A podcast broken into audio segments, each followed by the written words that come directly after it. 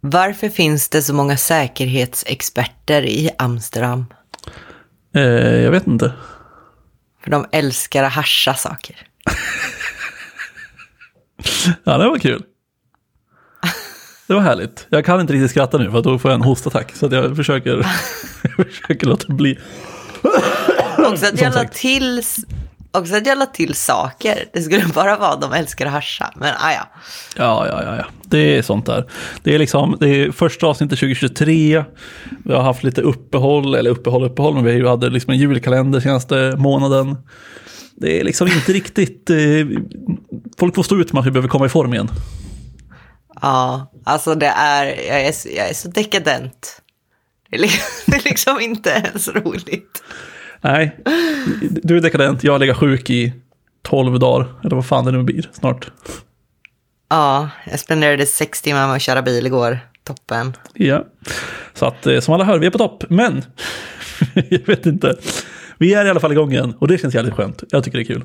Vi, eh, vi kan väl börja med att säga, eh, nu när vi går in i ett nytt år, om folk har eh, förslag på ämnen eller vill skicka in ett skämt eller något, så kan man väl göra det. Ja, det får ni fan göra. Jag är så rädd att podden är slut som artist, för jag kommer inte på något mer. Nej, det är Eller, när Therese, det är när Therese skämt tar slut, då är podden slut. Då är det över. Det är väl kanske jag som är slut som Så, artist. så att vill, ni, vill ni att podden ska leva kvar, det kanske, det kanske är dumt att säga det här, för då blir det också tvärtom. Att vill ni att podden ska försvinna, så skicka inte in och skämt. Men, Ja, precis, det är knäpptyst. De startar en Patreon för att vi ska, eller så här, vad heter en sån insamling? Ja exakt. De, de startar insamlingen för att stänga ner oss som det här paret med Wham, Exakt. paret gjorde. Ah, ja. Ja. Nu har vi drailat som vanligt. Ja, det jag skulle säga innan vi, innan vi är tillbaka på spåret ehm, var att eh, vill man skicka in någonting, förslag eller något, så kan man väl höra av sig på Twitter, men också i Kodsnacks Slack-kanal. Alltså podden Kodsnacks har ju en Slack där vi två också hänger. Och där kan man också skicka in eh, förslag och DM oss ett skämt eller något. Vi kanske kan fixa en liten kanal där till och med, så kan man eh, dumpa förslag där. Åh herregud. Ja, nu, nu kan vi gå tillbaka till, nu kan vi sluta Ah, okej. spåra ur. Men, eh, men vi kanske sk- måste fundera på andra kommunikationskanaler också sen. Det kommer, det kommer, det löser sig. Under 2023 kommer det hända mycket. Med Twitter. Exakt. Ja, alltså det här, vi håller bara på att bröta på nu för vi har inget ämne. Jo, men det har vi. Ehm, faktiskt. För att eh, jag har ju funderat mycket på det här med att starta upp någonting nytt. Som i Because- ett projekt eller ett bolag eller en sajt eller Ja, en teknisk produkt. en produkt. Okej. säga. Eh, sprunget ur en vision. Är, det en viktig detalj att vi måste diskutera saker som har en vision bakom sig? Men lite så, alltså visionen har ändå en plats i det här. Ehm, för att det jag har funderat väldigt mycket på och som jag egentligen har extremt dålig erfarenhet av är liksom hur tar man en vision och extremt mycket idéer som bara ploppar ut och de finns överallt och det kommer nya idéer hela tiden, hela tiden, hela tiden. Hur kokar man ner det i att bygga en teknisk produkt? Och här tänker jag att det finns svinmånga som är asbra på att göra det här. Eh, de vet exakt vilka delar som är viktiga att tänka på i början och vart de ska börja och vilket fokus de ska ha. Jag är inte en sån person så att jag kände mig lite som Ice Bucket Challenge. Ja, alltså att bara hälla kallt vatten över dig. Ja. Och inte ens för ett välgörande ändamål. Bara för shits and giggles så att säga. Ja, nej, men det kanske var för ett välgörande ändamål. Vi skulle ju nå någonting, men det var inte så här, det var inte donation till ALS eller vad det var. Nej, jag fattar. Okej, men så här, du, du sitter och funderar på, okej, om någon, en person har en vision och massa idéer. Ja. Hur man, eller hur en liksom tar de visionerna och idéerna och kokar ner dem till någonting konkret och faktiskt lyckas bygga det. Ja, och också i början så här, vad är viktigt att lägga fokus på? Vilka roller behövs och vad, vad behöver du för att komma fram till någonting? För det var väldigt mycket så här, okej, okay, det finns en, eh, kanske en, en CEO och en CTO. Vad behövs mer? Just det.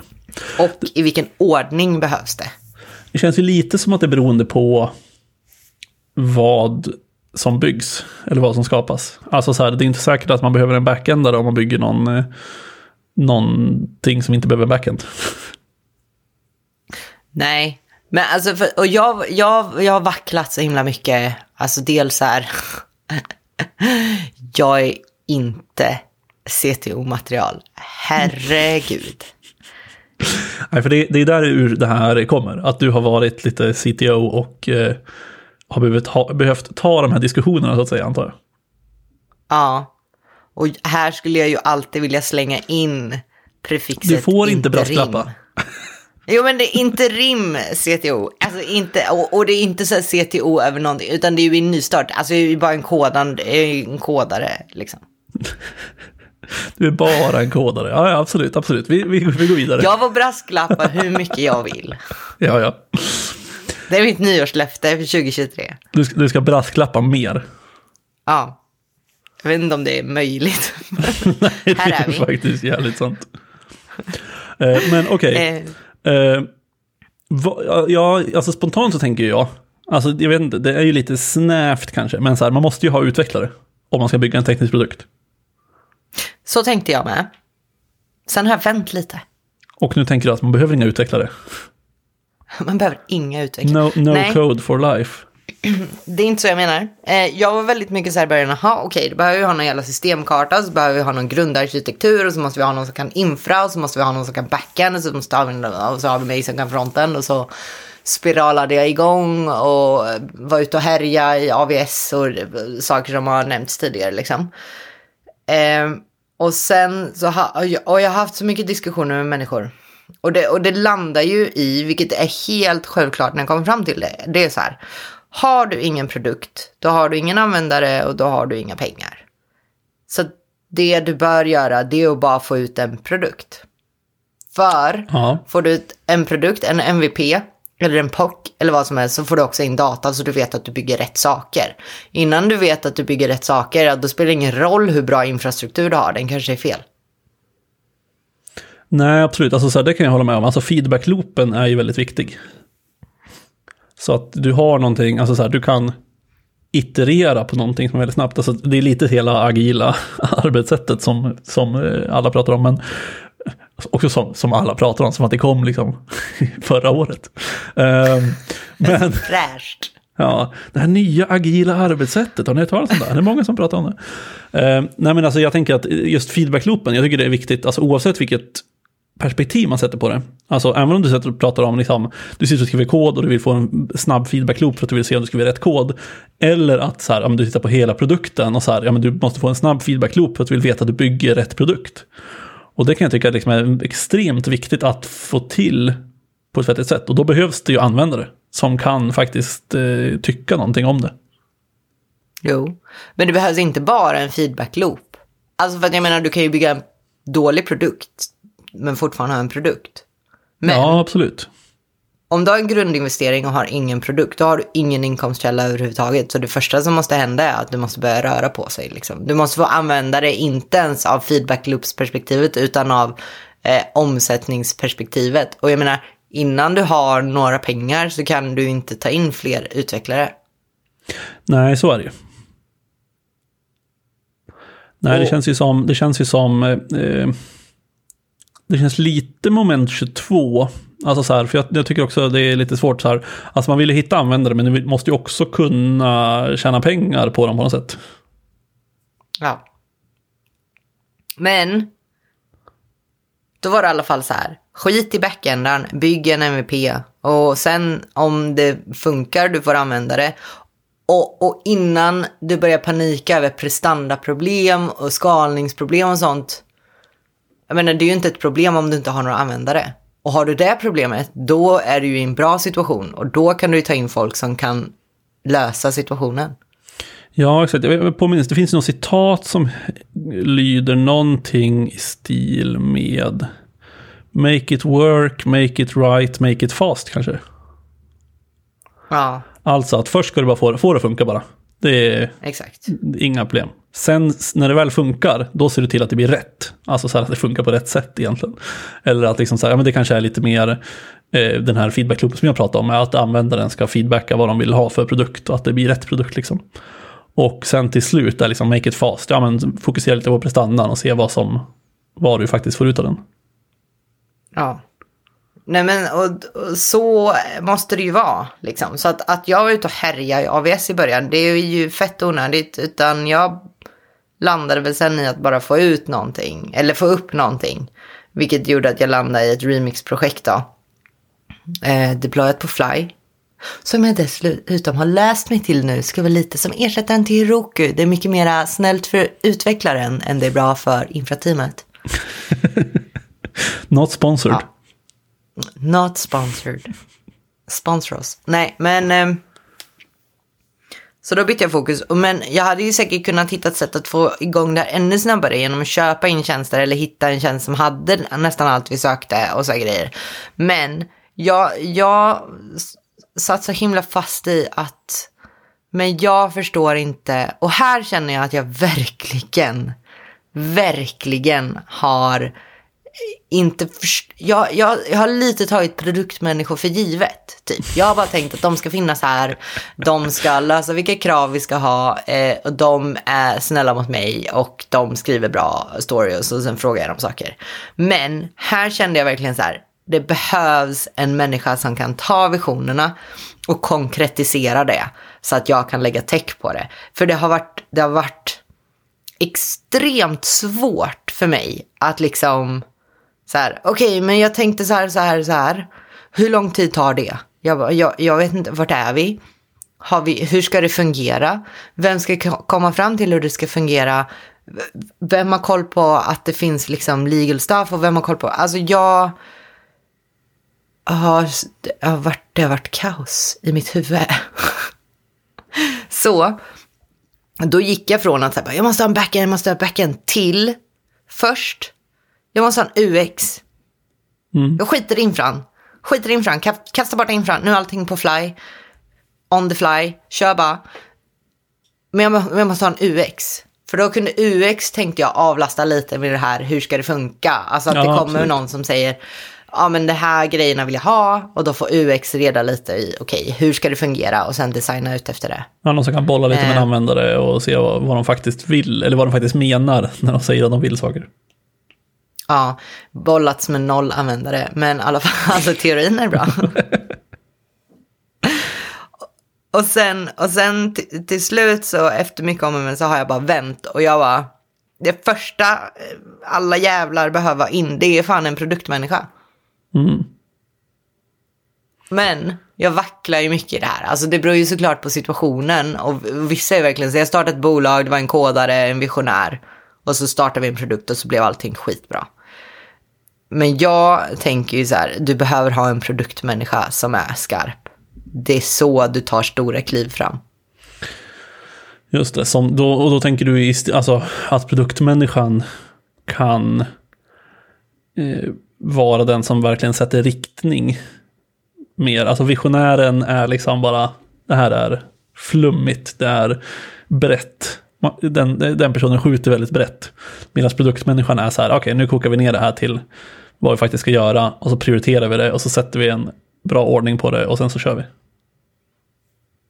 Ja, men typ, alltså mycket så att, att produktmänniskan verkligen äger den tekniska produkten. För visionären äger ju businessen mm. i någon mening liksom.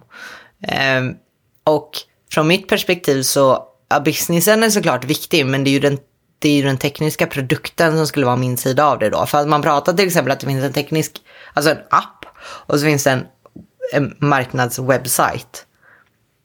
Och då var liksom marknadswebbsajten var inte ens i min sfär. Så. Och det kanske inte heller skulle vara för produktmänniskan, utan produktmänniskan skulle ha det absolut ansvaret för den tekniska produkten. De kan sätta vad som faktiskt behövs, kunna reda i hur får vi reda på vad som behövs, sätta första drafts, liksom vad är MVP, vad är inte MVP? Eh, och typ översätta visionerna till krav. De behöver inte ens vara tekniska. Det, det är ju mitt jobb. Men liksom bara behöver en stomme att stå på. En tanke om produkten. Just det. Det känns som att jag har tagit det här för, för givet. Alltså jag saknar det så mycket nu. Alltså jag, sa, åh, jag har jobbat så många, med så många bra produktmänniskor. Jag saknar dem så himla mycket. Skitbra UX-are också. Saknar dem också så himla mycket. Ja, jag tycker också, alltså jag tror också att eh, jag, jag tycker ju att produktägare eller produktmänniskor överlag är väldigt bra att ha. Men det är ju också väldigt beroende på person. Alltså för jag har jobbat med folk som varit så här, ah, alltså som jag har känt så här, tillför du så mycket?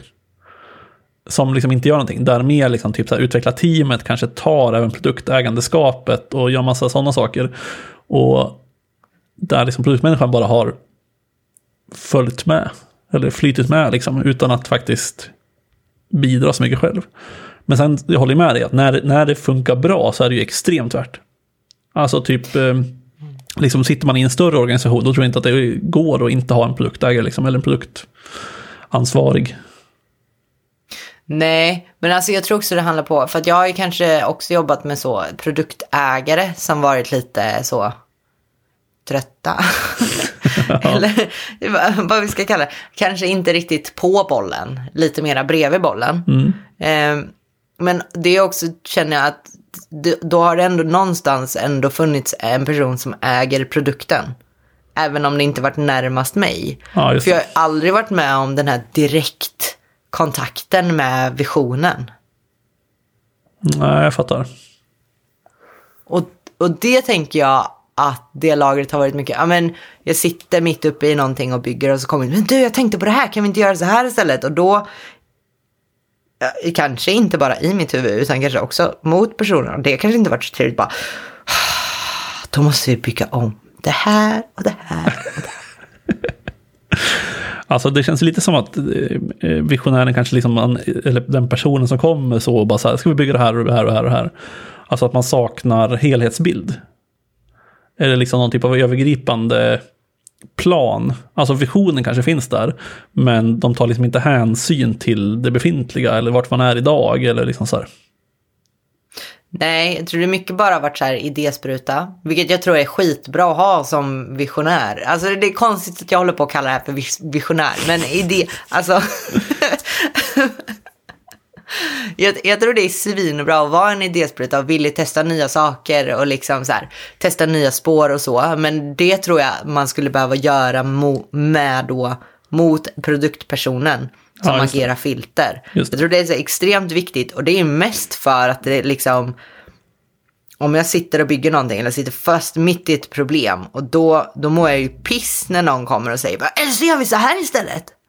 Ja. Och då har jag suttit liksom i två dagar och bara rivit mitt hår över att jag inte förstod att Prisma cascadar on delete. Alltså så här. ja, det är... Har vi dragit den historien? När jag satt? Jag vet inte riktigt. Kan, kan mycket väl ha gjort. Jag gjorde så många fina funktioner för att delita. När, när den här delitas ska dess barn delitas och då ska dess barn delitas. Så jag gjorde massa olika funktioner och sen pratade med dig och du bara, men har du inte on delete cascade, då, då delitas allt.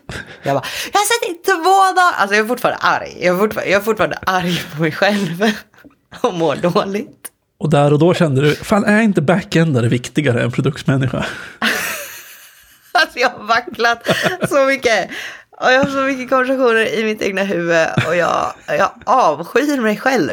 Liksom. Jag, jag så här, sitter bara där och bara, du är en vidrig människa och jag hatar dig.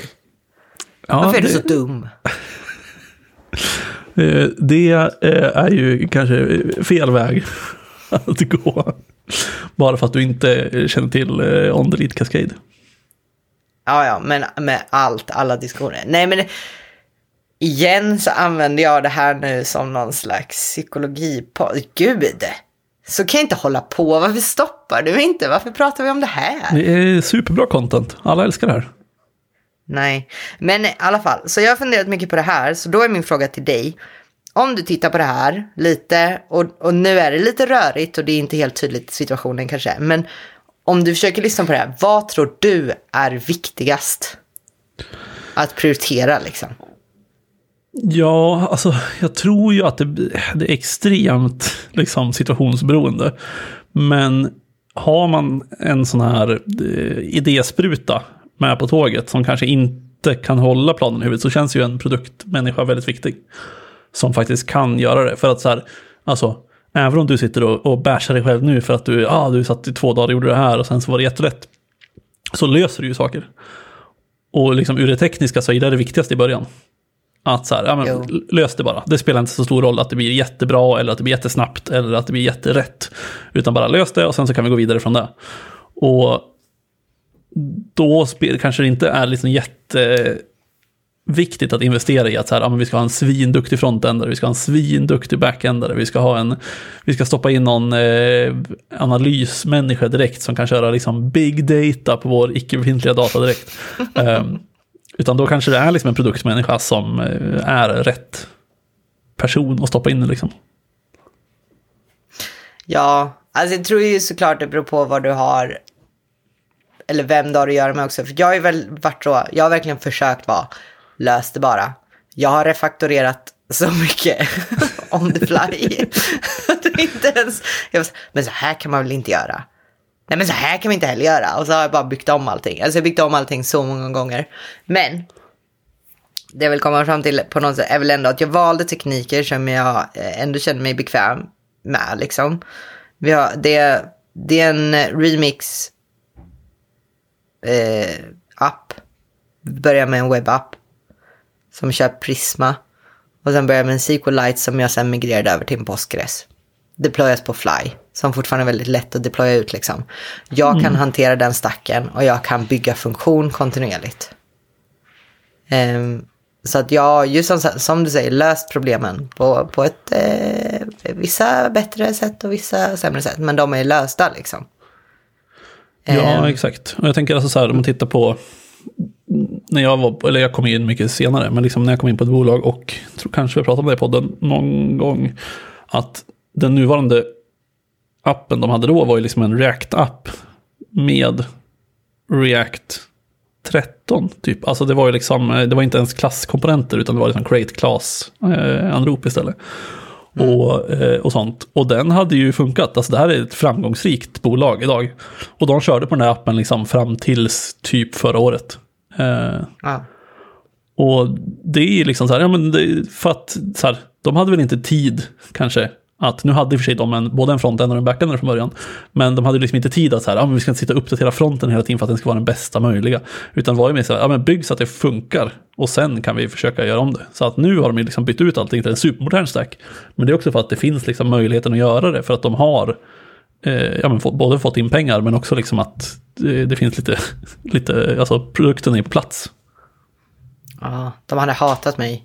Alltså, jag är så här, ah, får det bara funka. Och sen så kliar det där så är jag på att refaktorera i alla fall. Men i alla fall det skulle komma till.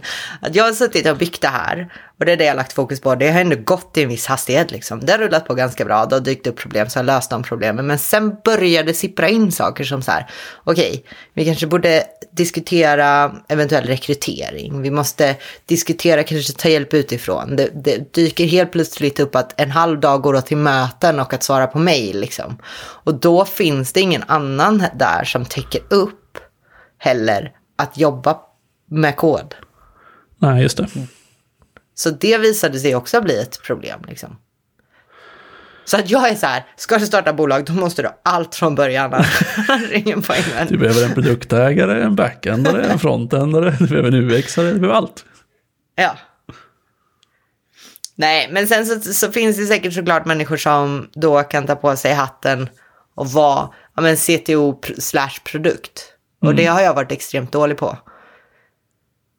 Jag har bara fått panik av att höra de här idéerna kastas runt. Eh, och blivit lite uppstressad. Jag kan inte se bilden tydligt. Alltså jag, jag är väldigt visuell också, jag behöver se saker väldigt tydligt. Liksom. Ja, just det. Så att det finns ju säkert personer som hanterar de två rollerna bättre. Men å andra sidan om en person ska hantera det med, då kommer ju kodtiden också bli lidande. För att då går det åt till produkttiden. Alltså, Ja, det blir ju liksom, det måste vara en extremt svår balans när man inte, alltså när man bara är några få som ska göra saker. För då blir det ju lite, alltså som du som CTO till exempel, om du både ska koda och göra typ allting annat. Så känns det ju som att eh, kodtiden är väldigt lätt att den får liksom ta ett steg tillbaka. Ja, och det är ju egentligen kanske den som borde prioriteras. Ja, men precis. Men alltså, så här nu blev det här ett extremt spretigt avsnitt. Jag har ingenstans jag vill komma med det här överhuvudtaget utan att lufta min egna ångest igen som vanligt. Jag ber om ursäkt för det, fast jag vet att jag inte ska be om ursäkt, så du ber om ursäkt för det med. Men det har varit extremt ögonöppnande för mig. Um, och jag tror inte att det är min plats i livet. Att vara CTO eller vara på en startup eller både och? Eh, både och. Inte så här tidigt startup. Nej. Nej men det tror jag är en ganska eh, vettig, alltså för det första så är det ganska kul att vi kommer in, vi sa innan att här, ja, vi skiter i att prata om att det är nytt år och nya grejer, men nu kommer vi in här att här är det självinsikter som föds och det är nytt år och nya tider. Och eh, men eh, det jag skulle säga var att det känns ju som en väldigt bra grej att inse om sig själv. Alltså som utvecklare så finns det ju så extremt många olika bolag och olika typer och olika storlekar och olika stadier de kan vara i.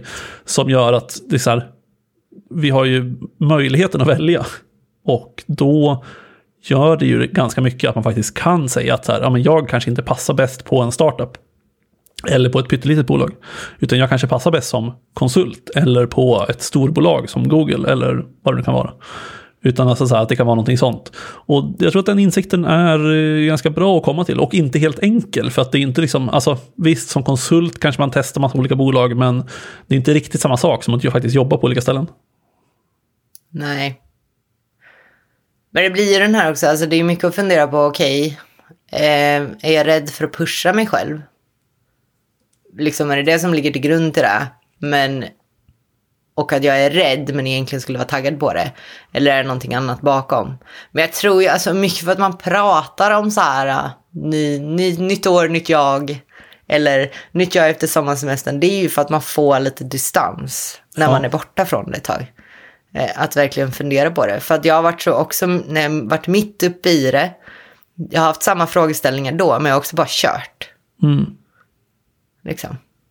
Och nu har jag, trots vår dåligt lagda jul och nyår, haft ledigt liksom. Och fått distans. Så ja, jag, jag, och jag tror det är därför folk kommer fram till det. Det säger man väl inom rekrytering också. Folk funderar på semestern. Sen byter de jobb. Det har varit så många jobbuppdateringar i mitt LinkedIn-flöde nu. Alltså, ja, det är eh, full fart faktiskt. Det är väl efter semestrar och typ, eh, eller så här, nytt år, efter semestern, efter typ någon typ av föräldraledighet kanske. Då känns det som mm. att det händer ganska ofta. Ja.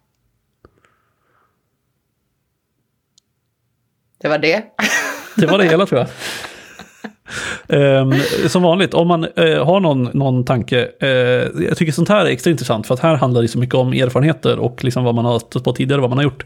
Så har man nå uh, åsikter eller input på det vi har sagt så hör gärna av er. Ja, rädda mig. Exakt. eh, men toppen. Vi, vi säger väl så, så hörs vi igen om eh, två veckor. Det gör vi. Ha det gött. Bye bye. Bye.